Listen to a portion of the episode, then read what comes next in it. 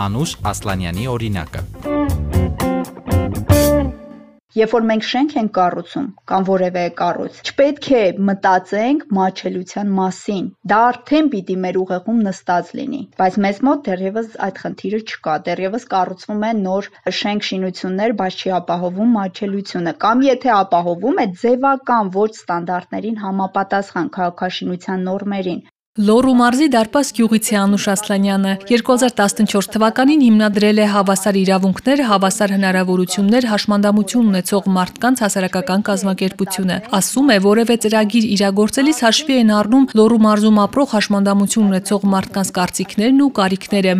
այն բնույթով իրապաշտպան կազմակերպություն է, այսինքն ոչ թե բարեգործական, այլ իրավունքահեն։ Եթե որևէ մեկի իրավունքը խախտվել է, անկախ տարիքից, անկախ հաշմանդամության տեսակից, սեռից, կարող են դիմել մեզ եւ մենք սկսում ենք իրավական աջակցություն ցուցաբերել իրենց։ Տարաբնույթ ծրագրեր ենք իրականացրել, որոշ ժամանակահատվածում ակտիվ գործունեություն ենք ծավալել նաեւ քրեակատարողական հիմնարկներում հաշմանդամությունից անձանց իրավունքների պաշտպանության աշխատանքների իրականացման գործում, ինչպես նաև անձանց աշխատանքի տեղավորման հարցում ենք. Բազում ծրագրեր արել, առաջնորդության, աշխատանքային հմտությունների ձեռբերման եւ այլն եւ այլն տարաբնույթ։ Մասնագիտությամբ կենսաբան է Անուշը, սովորել է Վանաձորի պետական համալսարանում։ Պատմում է, որ դեռ մանկուց ցանկացել է բժիշկ դառնալ, բայց քանի որ հենաշարժողական խնդիրներ ունի, մտածել է մաչելիության առումով դժվար կլինի բժշկական համալսարանում սովորել։ Այդ իսկ պատճառով ընտրել է բժշկությանը մոտ ուղություն, բայց դեռ մասնագիտությամբ չի աշխատել աշխատել, ուժերը տարբեր բնակավարներում է փորձել։ Ասում է, սիրում է իրեն փորձությունների ենթարկել, նոր հմտություններ ու ծանոթություններ ձեռք բերել։ Մի քանի ամիս է ինչ աշխատանքի է անցել Լոռու մարզային գրադարանում։ Հաջողությամբ հասցնում է թե հասարակական կազմակերպության, թե գրադարանային գործերը։ Գրադարանում հիմնական աշխատանքս գրքերի թվայնացումն է, ավելի ճիշտ տվյալների ներմուծումը համակարգիչ, այսինքն on-line բազայի ստեղծումը։ Լոռու մարզային գրադարանը ինքը վաղուց ունեցել է այդ ծառայությունը տնտեսությունը, այն անձանց, ովքեր ունեն հաշմանդամություն եւ տնից դուրս գալու խնդիրներ ունեն, գրադարանը հնարավորություն է տալիս իրենց ցանկացած գիրքը իրենց բնակարաններ հասցնել, իսկ ընթերցելուց հետո արդեն նույն գրադարանի աշխատակիցները գնում են եւ վերցնում։ Վերջի 3-4 տարիներին ասեմ, որ որպես գործընկեր եմ ասում այս պահին ոչ թե աշխատակից, հա, մեր կազմակերպությունը ավելի սերտ համագործակցել է գրադարանի հետ, ավելի շատ ներառական ծրագրեր են սկսվել անել, ինչը ողջունելի է եւ այսպես ասած աշխատում են իրենց ծրագրերում այնպես կազմակերպեն, որ ոչ միայն գիրք տալ եւ գիրք վերցնելը լինի, այլ նաեւ մշակութային, այսպես ասած կյանքին ավելի մոտեցնեն։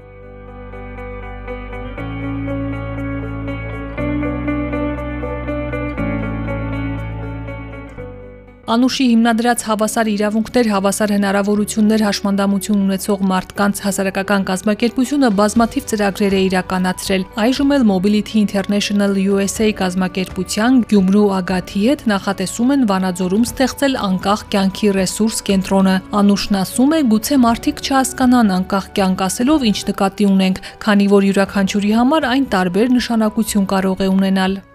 մարդիկ կարող է մի փոքր չհասկանան անկախ կյանքը ինչ է, որովհետեւ բոլորիս համար դա տարբեր է։ Ինձ համար այլ է անկախ կյանք հասկացությունը, մյուսի համար այլ։ Սրա նպատակը այն է, որ ավելի հստակ իրականացվի հաշմանդամություն ունեցող անձանց կարիքները, ինչը իրենց համար անհրաժեշտ։ Երբեմն, օրինակ, ես ունեմ հաշմանդամություն եւ մտածում եմ, հա, իմ տեղաշարժման համար, իմ անկախության համար ինձ մեքենա է պետք, բայց միգուցե դա չի պետք, այլ ինչ շփումն է պետք, ես շփման խնդիր ունեմ։ Այդ կենտրոնը կօգնի բացահայտել քո իսկական կարիքները եւ ամենակարևորն է, որ այդ կենտրոնում այդ ծառայություն մատուցողները լինելու են հենց հաշմանդամություն ունեցող անձիկ Օրինակ նախատեսում են 3 հաստիկ բացել, առաջիկա նոյեմբերից արդեն կունենանք այդ աշխատակիցներին։ Փոխօգնություն, peer support, այսինքն եթե ես ունեմ հաշմանդամություն, փորձ հարուստ այդ ոլորտում կարող եմ կիսվել մյուսների հետ, ոնց հարգեմ իմ հաշմանդամությունը, ոնց սիրեմ, ոնց ապրեմ իմ հաշմանդամության հետ կամ ինչպես հաղթահարեմ դժվարությունները եւ այլն։ Այդ անձը պիտի համակարգի այդ աշխատանքը ունենալու ենք շահերի պաշտպան, ով որ ակտիվ պիտի թիմ ներկայացուցիչների հետ հանդիպի, բանակցի, օրենքների վրա աշխատի եւ այլն եւ այլն, շատ ակտիվ եւ երրորդը ուղղորդման, որը պատասխանատու է լինելու շահառուների հետ անմիջական կապի հետ։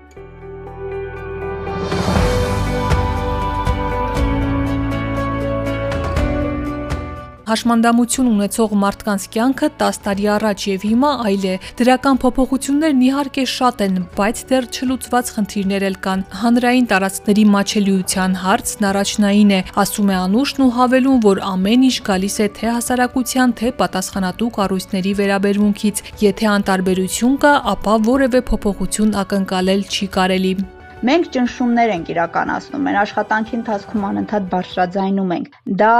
երևի թե լավագույն մեթոդներից է, որովհետև անընդհատ այսպես շահերի պաշտպանությունը անդադ հիշեցնելը եւ այլն գալիս է մի պա, որ այդ անձիկ արդեն հոգնում են եւ ստիպված ընթառաջում են քեզ։ Եղել եմ եւ եվրոպական երկրներում եւ ոչ։ Մասնավորապես, դե իհարկե Հայաստանը մեծ հաշվով չի կարող ամեն ինչ ապահովել ինչպես Միացյալ Նահանգներում է։ Այստեղ մենք ունենք ձևական ավտոկայանատեղիներ, իրենց նշանով որ սա նախատեսված է հաշմանդամություն ծող անձանց համար, բայց չի ապահովում։ Կամ թե քարտակի անմիջապես դիմացն են ավտոն կայանում, մեքենաները։ Այստեղ ավելի շատ ես նկատում եմ ձևական, եթե ինչ անեն ձևական ոչ ստանդարտների։ Եվ կոչ կանեմ, դա ամոթ բան չէ, որ նախ նախագծելուց առաջ լավ կլինի հենց հաշմանդամություն ցող անձանցից կամ նման անձանց իրավունքներով բավող հասարակական կառույցներից խորհուրդ վերցնել։